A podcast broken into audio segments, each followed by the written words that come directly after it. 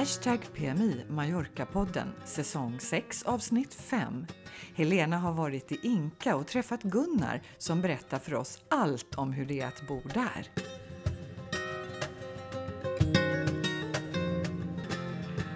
Helena, bara varsågod, rub it in. Vrid om kniven. Hur har du det i, på underbara Mallorca? Jag är här, jag är här, jag är här. Ja, jag har det underbart. Vädret är... Ja, nu behövde inte du ta mig på orden precis. Nu sådär. tänker jag gnugga in det ordentligt, så det bara att luta dig tillbaka. Vädret är underbart, du vet precis så där som det ska vara i oktober. Inte för varmt, inte för kallt. Luften är kristallklar, så Tramontanabergen ser ut som om de vore utskurna i papper. ibland, inte mm. alltid. Men mm. nej, jag det, blundar och njuter. Det är fantastiskt här. Det är det. Men du, hur, hur gick det att flyga ner? Det är många som frågar om det på, i Facebookgrupperna och så där också har jag sett. Och eh, det, det är olika. Vissa utav mina vänner, några flög i Ryanair ifrån Landvetter och där var det knökfullt, alltså alla platser var fyllda. Jag flög ner, ja. med, jag flög ner med SAS och där kanske var eh, allra högst halvfullt, men knappt i så fall. Och det märkliga är då att då har de satt alla bredvid varann. Jag menar, jag flög ensam så jag hade ett sånt här A-säte vid fönstret. Och jag skulle då knö mig in bredvid ett par och det var folk framför och det var folk bakom medan sätena längst bak var helt tomma. Och då bad jag att få byta plats och sätta mig på de här jättetomma raderna längst bak. Och då fick jag inte göra det för smittspårningen. Det var en väldigt märklig förklaring. Det är en väldigt märklig förklaring. Men vet du, nu vet du, du ska jag säga det här till dig och nu kommer ju våra lyssnare höra det också. Men jag struntade i det. Jag satte mig där bak i alla fall. Ja, civil, det tycker civil, jag lät mycket mer förnuftigt. Ja, civil olydnad. Eh, men du, vad är det, berätta lite om vad det är för regler och rutiner när man ska flyga just nu, för det där ändras ju lite fram och tillbaka. Ja, eh, man måste fylla i en hälsodeklaration eh, och den ska man visa upp på flygplatsen i Palma när man har landat. Och de flesta flygbolag vill att man har fyllt i den innan man går på planet. Så att det inte blir något trassel, att de står där med en passagerare som inte får komma in i landet. Så, och var får man tag på den här? Den får man tag på på nätet och jag vet att när jag har flugit med Norwegian då har de skickat länken till mig. Men SAS hade inte gjort det. Men däremot så hade de någon QR-kod på flygplatsen som jag kunde använda. Och var visar man det här? Var visar man upp den någonstans? Eller skickar man in den någonstans? Eller vad? Nej, utan strax innan man kommer ner till bagagebanden på Son San Juan så finns det en ny kontroll kan man säga och den har värmeskanning så att eh, om du är varm och febrig eller om den här kameran ger något utslag då kan du bli inkallad för att liksom ta tempen och sådär. Och, mm. eh, och sen där visar du också upp din, din hälsodeklaration. Hur är det med munskyddskrav och så? På flygplatserna både i Sverige och i Spanien. Munskydd, munskydd, munskydd. Och eh, hela flygresan. Okej, okay. serverar de någonting på flygresan? Nej, man får, man får en flaska vatten när man, när man kommer ombord. Men nu hörde jag mina vänner att de hade blivit serverade, de hade blivit serverade mat till och med. För de hade, hade förbeställt mat, då fick de det. Jaha, där ser man. Ja, ja väldigt ja. konstigt. Ja, så det är antagligen lite olika. Men du, jag tänkte på en sak på Arlanda, för de upprepar ju de här meddelanden hela tiden att man måste hålla avstånd och sådär. Och på Arlanda, jag vet inte om det är så på and, eh, Swedavias andra flygplatser också, men där, där står det och de säger hela tiden Håll avstånd till alla runt omkring. Och rent semantiskt så funderar jag på hur det ska gå till. Om jag har människor runt mig överallt runt mig. Hur ska jag kunna, hur ska jag kunna hålla avståndet till dem då? Jag får sån, jag får sån konstig bild. Jag ser sån här eh, line dance, eller vad heter det, när alla går åt samma håll. Ja, just det. Höger. Och nu går alla till vänster åt samma håll. Ja, precis. Ja, det, det, det, det är konstigt och kul. Mm. Men du kom ner i alla fall och du är pigg och frisk och sådär. Mm. Men det har varit lite hårt nöjesliv för min del för att jag har väldigt mycket kompisar här nu. Och, så eh, du är frisk men inte så pigg? Så skulle man kunna summera det. Så att ikväll, nu är det flera av mina kompisar som åker hem idag och så ikväll så ska jag vara hemma och ta det riktigt, riktigt lugnt. Och sen har jag haft lite fullt upp för att vet du vad jag har gjort? Du vet ju att jag har sålt min lägenhet eller min och Peters lägenhet här i Palma. Mm. Och nu har vi varit och kikat på att hyra på lång tid. Ja, ah, vad spännande! Berätta! Ja, och då tänkte jag på alla som, eh, som postar i eh, Facebookgrupperna och säger så här, vi funderar på att flytta ner och så där och hur ska man göra och eh, var får man tag på lägenhet och var får man tag på jobb? Om det är någon som lyssnar som funderar på att flytta ner så gör slag i saken nu för hyreskontrakt är jättebilliga jämfört med tidigare. Det, hyrorna är på stora lägenheter är halverade. Det är, alltså det är ju ett supertips. Även ja. om man, eh, framförallt om man bestämmer sig för att flytta ner. Men även mm. om man inte ska flytta ner på heltid så kan ju det vara en bra affär att hyra en stor lägenhet. För många gånger är de ju möblerade också. Ja, jo, över hälften skulle jag gissa är möblerade. Men, Hur går det eh, för er då? Har ni hittat någonting? Ja, nu har vi hittat en en eh, lägenhet. Så jag har inte skrivit kontrakt ännu. Nej, att, men vi ska träffa mm. mäklaren imorgon för att titta på kontraktet och jag sa att jag är inte beredd att skriva på där och då utan jag vill ha möjlighet att gå igenom det. Mm. Eh, men eh, eh, den ligger precis på Plaza de Puente. Aha. Och eh, den ligger jättehögt. Alltså den, lägenheten är på nionde våningen så utsikten är frukt fruktansvärd. Alltså den så, man ser så långt så att det är, jag ser nästan Dragonera. Äh, men vad härligt! Och ni är, ju ja. ni är ju bortskämda med bra utsikt så det förstår jag att ni inte vill göra avkall på. Nej, men nu, nu är det ju havsutsikt också. Mm, mysigt. Ja, men vad, vad härligt! Mm. Kul! Ja, men så och vilket bra nog... tips! Precis, om man funderar på att flytta hit, åk ner nu och sondera terrängen och skriv ett avtal på lång tid, ett eller, ett eller två år, för att bättre priser än det nu eh, tror jag inte det kommer att bli. Ja, om de inte sjunker lite till då, det om man, man ja. liksom vill gamla om det. Men i alla fall, så jag har haft det jättekul och jätteskönt och jag har träffat jättemycket folk. Och eh, vi har ju en gäst i programmet Ja, som du har träffat. Berätta, vem, för det, vi har ett tema på några av våra program som heter Att bo i en by. Mm. Och den här gången är det ju en lite större by. Kanske ja, nästan är, en stad. Ja, det är en stad. Och då ja. är det Inka vi pratar om den här gången. Precis.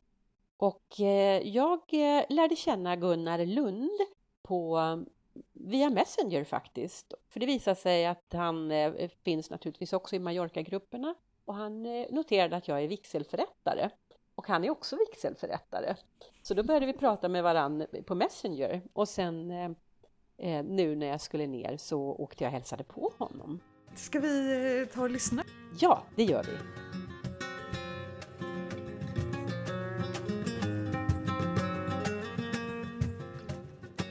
Men hej, nu sitter jag här med Gunnar Lund i din trädgård och eh, ska prata lite grann. Och du bor utanför Inka, eller hur? Ja, det kan man säga. Nästan i Inka för det ligger väldigt nära centrum där jag bor. Mm.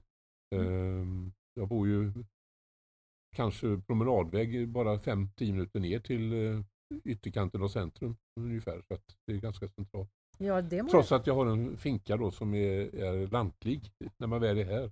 Jo, för du har flera, flera tusen kvadratmeter med frukt, eh, fruktträd och du har får och höns mm. och allt möjligt här. Ja. Verkligen lantligt. Ja, det kan man säga. Ja. 7000 kvadrat eh, odling med fruktträd ungefär. Sen är det så roligt att säga en finka i Inka ja, också. Det... Det, kan man, det tröttnar man inte på. Nej, då, Nej. Det, håller. det håller. Ja. De flesta brukar upptäcka att det rimmar. Du med dig? Men du, hur kan det komma sig att du hamnade här? Från allra första början så beror det på ett Mallorca-intresse som har varit i ett 20-25 år ungefär. Med ständiga besök här.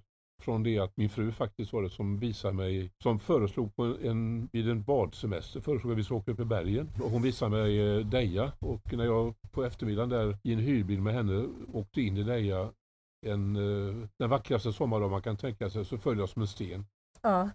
Och bestämde med henne att vi ska bo här i vårt liv. Men nu blev det aldrig så utan eh, av flera skäl så eh, först, först bodde vi i Deja sex år men bytte sen semesterort till Sojer. Så Deja upplevde vi som lite tråkigt med, med åren kan man säga. Mm, mm. Men allra värsta är väl att eh, 2014 så gick Yvonne bort, min fru bort, så att Mm. eh, då stod jag ensam. Och då kom eh, tankarna att eh, jag måste på något sätt börja om på något vis. Och eh, då bröt jag upp ifrån Sverige så att jag sålde allt jag hade och eh, mitt företag och en gård jag hade då också eh, på den tiden i eh, Onsala låg den utanför Göteborg. Ja, ja. Jo, man hör ju att du är göteborgare. Mm, det det gör man. ja.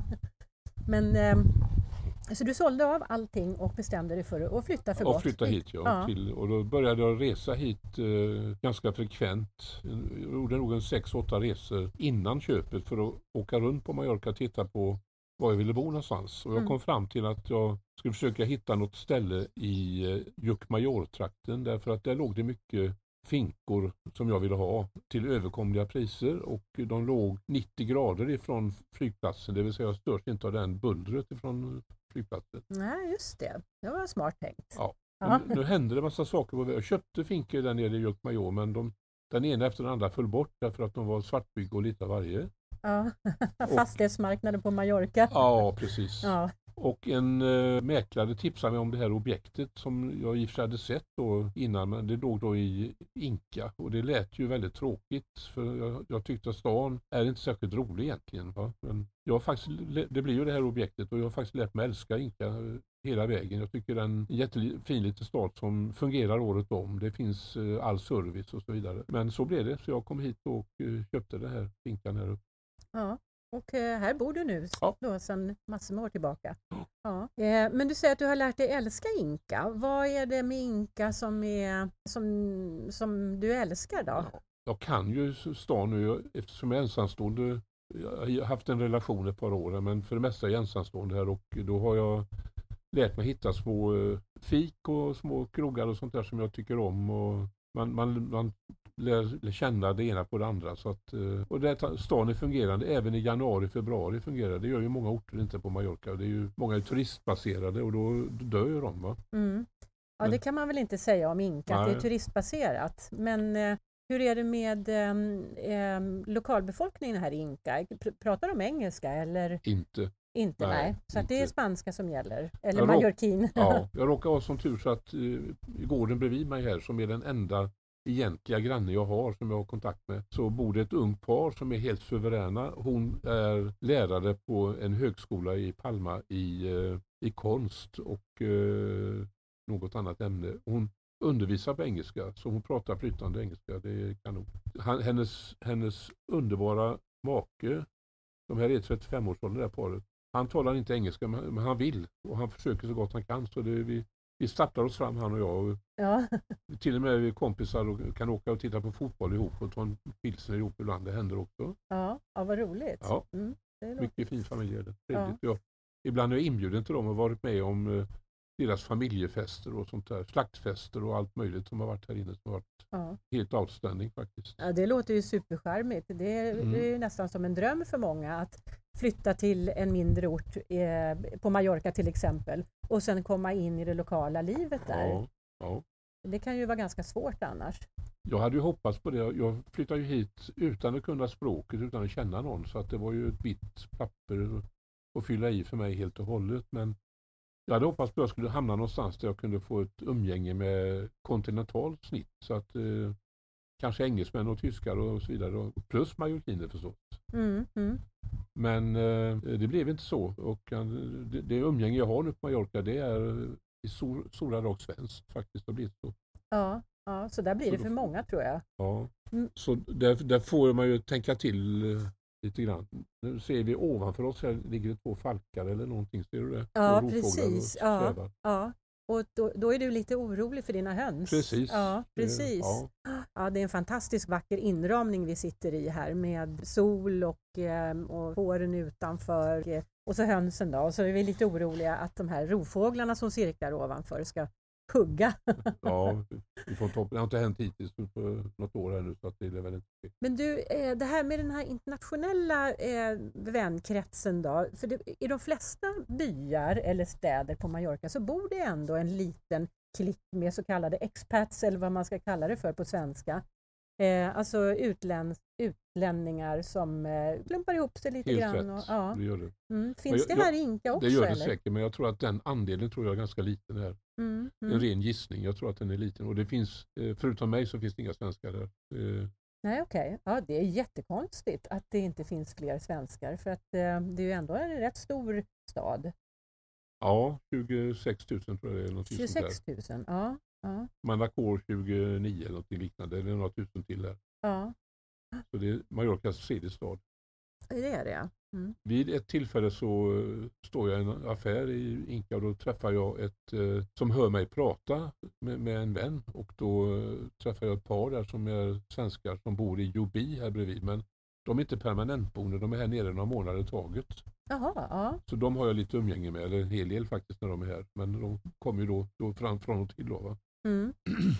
Mm. Och sen finns det väl antagligen eh, svenskar i, i, andra byar runt omkring. Men, eh, Förmodligen ja. kan det göra det. Ja. Mm. För vi har, ju, vi har ju spritt ut oss på den här ön. Vi, vi gillar ju Mallorca vi svenskar.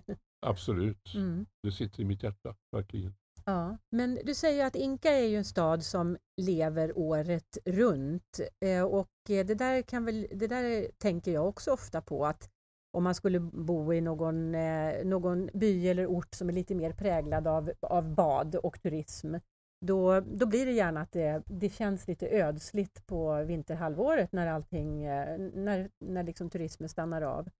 Eh, men det måste ju vara en av fördelarna med Inka då. Att ja, det är det. Det, det rullar hela året. Ja. Finns All... det någon biograf till exempel? Eh, inte mig vetligt, nej det gör det inte. Äh. Det gör det inte. Och det finns tyvärr inte någon eh, bra sån där pärla till krog som jag gärna eftersträvar att hitta. Det mm. finns en eh, sådan som försöker nå upp till någon sån status som heter Joan Mark, heter den tror jag. Och eh, jag har varit där två gånger. Den håller inte måttet. Nej, okay. när jag kom hit på ön så blev jag bekant med en tysk kvinna som var mäklare här och vi blev lite vänner och vi åkte runt för att hitta de bästa pärlorna på ön och då har jag hittat ett antal krogar som jag tycker är suveräna. Det ligger en uppe i Sojer bland annat som heter, som heter Kamboketa som är fullständigt fantastisk. Den är, det är min absoluta favorit på ön. Har, då har jag varit där 50 gånger säkert. Ja, och det tackar vi för det tipset. det är våra lyssnare jätteglada för. Ja. Eh, serverar endast en femrättersmeny på kvällen, mm. på middagen. Mm. Kostar 34 euro mm. och det går med. Oj, oj, oj. Ja, det var verkligen inte och dåligt. På, på, lunchen serverar de en trerätter som är lite mer folklig, inte så mycket experimentell, men den är fortfarande är den eh, hög nivå då, 18 euro. Mm. Så det är ganska bra får man säga. Ja, det måste jag säga. Det var verkligen bra priser om, om det är hög nivå på maten. Men så Inka har inga stjärnkrogar direkt? Nej, det, Nej. det är fyra poängare. Ska det till fem så är det, finns det några fyra poängare som okay. kanske når dit, men inte längre. Mm. Däremot i grannbyn Jobi har jag en till som heter Daika. Aha. Ja. Det är David i Katarina. Det blir D-A-I-C-A, ah. det blir Daika. Ja, okay. och de två har var, jobbat, det är ett äkta par, de har jobbat på, um, på Guide Michelin-restauranger, varav fem stycken, varav två stycken är trestjärniga. Mm -hmm, det var inte de, dåligt. Har de med sig bagaget och det märks på deras meny alltså. Den är också suverän. Den är, de har en sex eller sju rätters som kostar storleksordningen 45, mm. 48 euro någonting mm. sånt där. Ja. Också fantastiskt billigt. Mycket bra. Ja. Men jag håller, på, jag håller faktiskt på eh, Kamboketa i Sojer som nummer ett. Det är ja. min favorit. Ja, ja, ja, men det är lite längre att åka också än till Jovi. Att... Ja, det är det. Det är, det. det är värt att göra någon gång. Ja. Det, alla som har varit där tycker att den är suverän. Så att, och det gäller även Daika. Också bra. Mm. Men jag tänker på om, eh, om det är någon annan som funderar på att liksom slå sig ner i Inka sådär. Det finns väl ändå ganska gott om restauranger som är trevliga och är habila. Ja. Liksom. Det växer fram en som heter Fabrika som eh, ligger nere på, på Stora Avenyn här nere. Mhm. Som också försöker att börja med gourmetmenyer och sånt där. De är inte riktigt i den nivån på de andra två som jag nämnde här nu men eh, de är på rätt väg tror jag. Mm. Kan bli någonting utav det. Kan Mm. det göra. Och sen finns ju, eh, såg jag, vid infarten till Inka så finns ju både Burger King och McDonalds. Ja det är väl en tur om man gillar det. Får, man inte, får man inte någonting man gillar så kan man gå dit. ja. Nej tack det avstår jag gärna. Ja, men och hur är det med kulturutbudet? Nu frågar jag biograf sådär, men finns det någonting annat man gör här? Finns det några eh, ja, festivaler finns det väl och marknader? för det, finns första finns det ju varje torsdag finns, finns marknaden. ja, Som ja. anses vara Mallorcas största då av hävd. Och de har en, ett tillfälle på, på hösten, eller i oktober har de, eh, kommer jag inte ihåg det spanska namnet, nej jag kommer inte ihåg det, men det, det är det, det är en helg de har Ja. lantbruksmässa samtidigt med detta och den är ju, hela stan är på, på fötterna då. Den är, den är fantastisk den får jag säga. Mm, Men varje torsdag är det ju, då kommer många hit för att gå på marknaden. Det är Mm. väldigt vanligt. Annars är det ingen turism i den här stan. nej, men då invaderas stan och det blir liv och rörelse. Ja. Och, ja. Men det är roligt med de där marknadsdagarna i byar och, städer för att det, det blir verkligen, eh, man, man märker direkt att det blir mera, det sjuder av liv liksom. Ja. Mm. En gång i tiden var ju eh, Inka känt för sin läderindustri. Ja, just det. Där man hade Mm. ett antal läderfabriker som låg här. Då får vi Mm. backa en 20-30 år i tiden åtminstone. Men eh, de har ju som alla andra tillverkningsbranscher så har de slagits ut av importen. Mm. Och eh, idag finns det kvar enbart eh, företagen som sådana som importerar ifrån Asien då och säljer sina skor under gamla varumärken och så här. Mm. Mm. Men den här gamla tillverkningen som fanns då som gjorde att eh, deras outlets och sånt som fanns här, den är inte mycket att hänga julgran idag. Nej, Tyvärr nej. så. Så det, Nej, vad tråkigt. Jag kommer ihåg när jag köpte alla mina cowboyboots här på 80-talet. Då, då åkte man till, jag tror man åkte till Inka och köpte dem faktiskt. Ja. Det, Den finns kvar. Den finns kvar. Den, den heter någonting som, den, den industrin, den heter något som jag tror Tony Moreno. to, ja. Ton- Tony Mora har jag för mig. ja. Ja, jaha, finns den kvar? Och Den roligt. finns kvar, det är ett undantag är det. Ja, och vad kul. Och det finns faktiskt ett undantag till nu som har öppnat bara för ett eller två år sedan. En ättling till några um, sådana här skofabrikanter, någon sonson av något slag som har, har flyttat hem igen till Mallorca och kört igång en industri. Så det, jag kommer inte ihåg namnet men den ligger nere, på, eh, nere i centrum och där sitter man och syr skor. Ett, ett tiotal människor jobbar i den industrin. Jaha, så de Och det har går liksom bra, dessutom. återtagit det gamla Ja. hantverket. Vad roligt. Men då kostar dojorna pengar. Ja, men då är det kvalitet också. Ja det är det. Ja, Men det är herrskor för typ 300-350 euro. ja, kul. Jaha, ja men eh, du om man skulle, eh, om man skulle vilja fly, flytta till Inka här nu då, om man har lyssnat på, på dig och mig nu när vi har pratat om Inka, vad, vad skulle du ge för råd till den som vill flytta till Inka? en svensk. Ja, hör av er till mig så kan jag hjälpa till med introduktionen. Kanske så gott det går. Ja, jag vet inte. Det, det, orten är inte annorlunda än många andra direkt tycker jag. Det, Ja, men det var väl ett jättegott råd. Hör av dig till Gunnar. ja, det går bra. Så, Det går fint. så hjälper han till med introduktionen. Ja, men eh, jag får tacka så mycket för att du ville vara med i vår podd. Tackar själv. Tack, tack.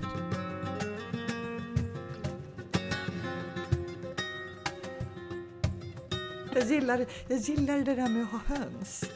Ja, det var jättemysigt och hans trädgård, eller hans ägor var fantastiska. Och så mycket palmer och växtlighet och, och eh, det var så kul, han sa det är alltid någonting som är trasigt här, det är någonting som är sönder hela tiden som måste lagas. Och är det inte något som måste lagas så måste gräset klippas och häcken ska ansas. Mm. Så är det ju att bo på när man liksom har ägor. Mm, precis, ja, Mm. antingen får man ha någon som tar hand om det eller också får man jobba själv. Mm. Han Men hade- det han lät, ju, det lät ju som att Gunnar var väldigt förtjust i eh, platsen att bo på. Mm, ja. Eh, och det var väldigt trevligt att hälsa på honom också. Du, jag noterade ju, eh, jag som gillar restauranger, du vet. Mm, Jag noterade att han nämnde tre restauranger. Det var Kamboketa i Sojer och eh, Daika i Ljubi mm. och eh, Fabrika i Inka. Ja, just det. Och jag kan ju säga att jag har faktiskt varit på alla tre. Eh, ehm. Kambuketa i Soja har jag varit på jättemånga gånger. Jag har bland annat firat en födelsedag där. Ja, men då har du antagligen träffat Gunnar, för han hade ju varit där 50 gånger. Ja, det är möjligt att vi har suttit vid olika bord där. Ja. Men du, då ska jag passa på att fråga, för att han hade en restaurang till som han gärna ville nämna, men, men det kom han på först efteråt när vi hade stängt av mikrofonen. Men mm. eh, Kantia Taleka i Jukmajor? Mm. Nej, det känner jag inte igen. Nej. Vad roligt! Då, Nytt då, tips! Precis, och då kan jag fråga honom om det en annan gång, för att han Gunnar håller på och forskar om Mallorcas urbefolkning, alltså från, den, från stenålderstiden. Jag tänkte att vi skulle göra ett, ett poddavsnitt om bara det, för det här känner inte vi till. Alltså jag tänker bara så här, ja men romarna var här och eh, blandade upp sig och sådär och, och eh, sen har väl fransoserna varit här och engelsmännen har varit här och nu turisterna här och sådär. Men den där, alltså historien långt tillbaka, urbefolkning. Ja, men det är klart vi måste ha ett avsnitt om det. Mm, det, det spikar vi. Ja, taget. Mm. Mm. Sen pratade ni om någonting annat som får minnena att blomma upp. Cowboy boots. Ja, ja! Och jag var så stolt över mina boots från Tony Maura. Och alltså det är inte många år sedan jag slängde dem. Nej, men alltså jag blev så glad att det fanns kvar. Mm, jag åker förbi det varenda gång jag ska hälsa på mina kompisar i Alarå, för då ligger affären på vänster sida precis innan man kommer in i byn. Ja, jag kollade lite grann på det där, och jag, eh, men jag tror att tillverkningen fortfarande är Inka och eh, så är butiken i Alarå.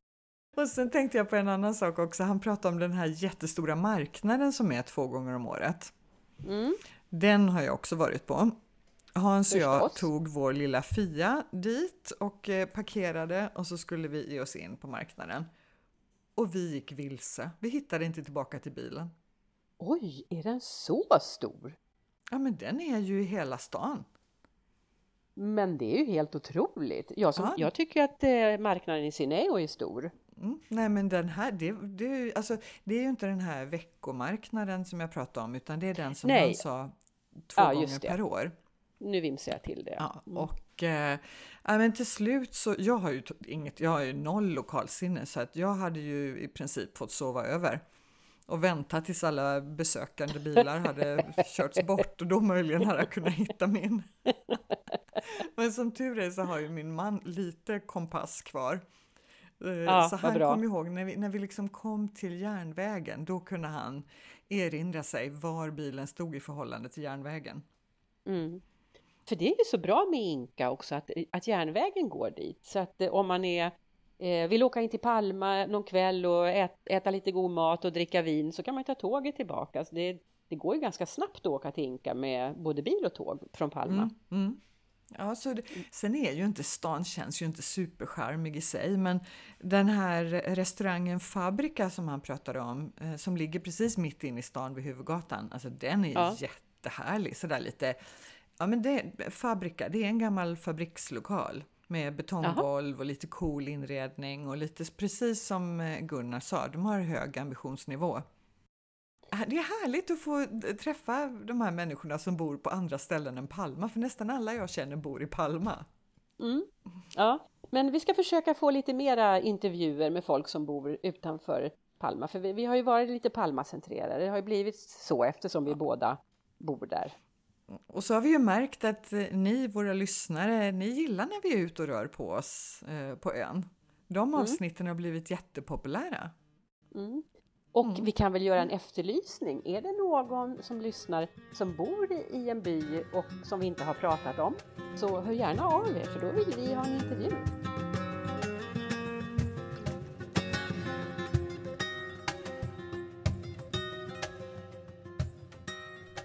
Vad bjuder du på för språkspaning den här gången, Helena? Jo, jag blev ju lite fascinerad av det finka i inka. Och, eh, då, och då tänkte jag så här, vi har ju ett svenskt ord, finka också. Alltså sitta i finkan. Ja, fängelse alltså. Ja, mm. precis. Och även om det är ett slangord så tänkte jag så här, det är mycket möjligt att det finns en relation mellan mellan spanska finka och eh, en svensk finka för att det är båda två är ju stabila hus då på något sätt. Men, och det gjorde det? Eh, nej, det hade ju varit jättekul. Det hade varit jättekul om det hade funnits ett samband, men det gör det inte. Det svenska finka kommer från lågtyskans finke som i finken bor och det betyder fängelsebur. Så att så roligt var det. Då är det härligare med den spanska finkan. Ja.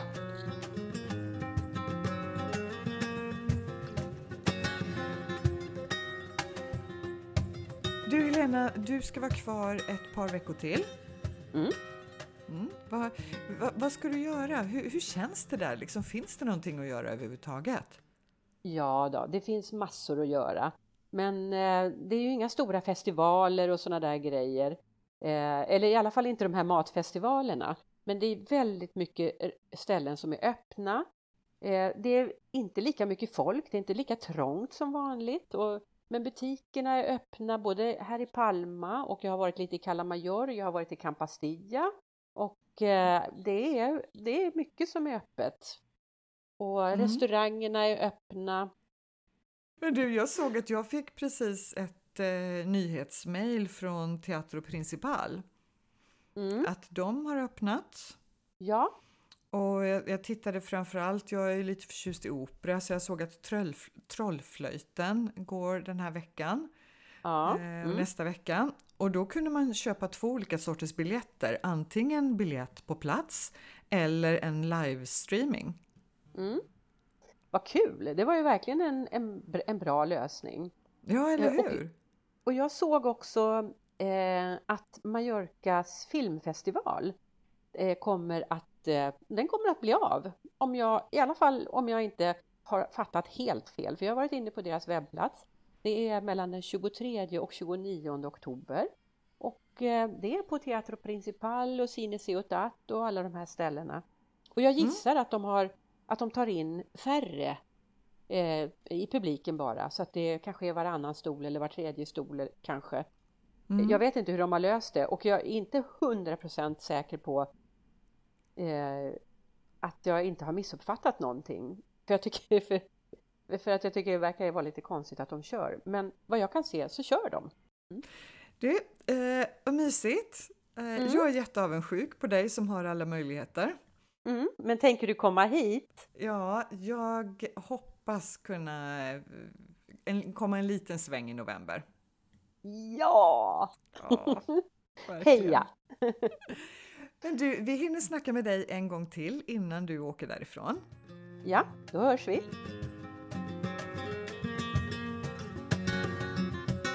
Du har lyssnat på Hashtag PMI Mallorca-podden. Gå in på vår Facebook-sida i kommentarerna under varje avsnitt så hittar du massor av bra information. Och gillar du hashtag PMI Mallorca-podden så sprid det gärna till dina vänner.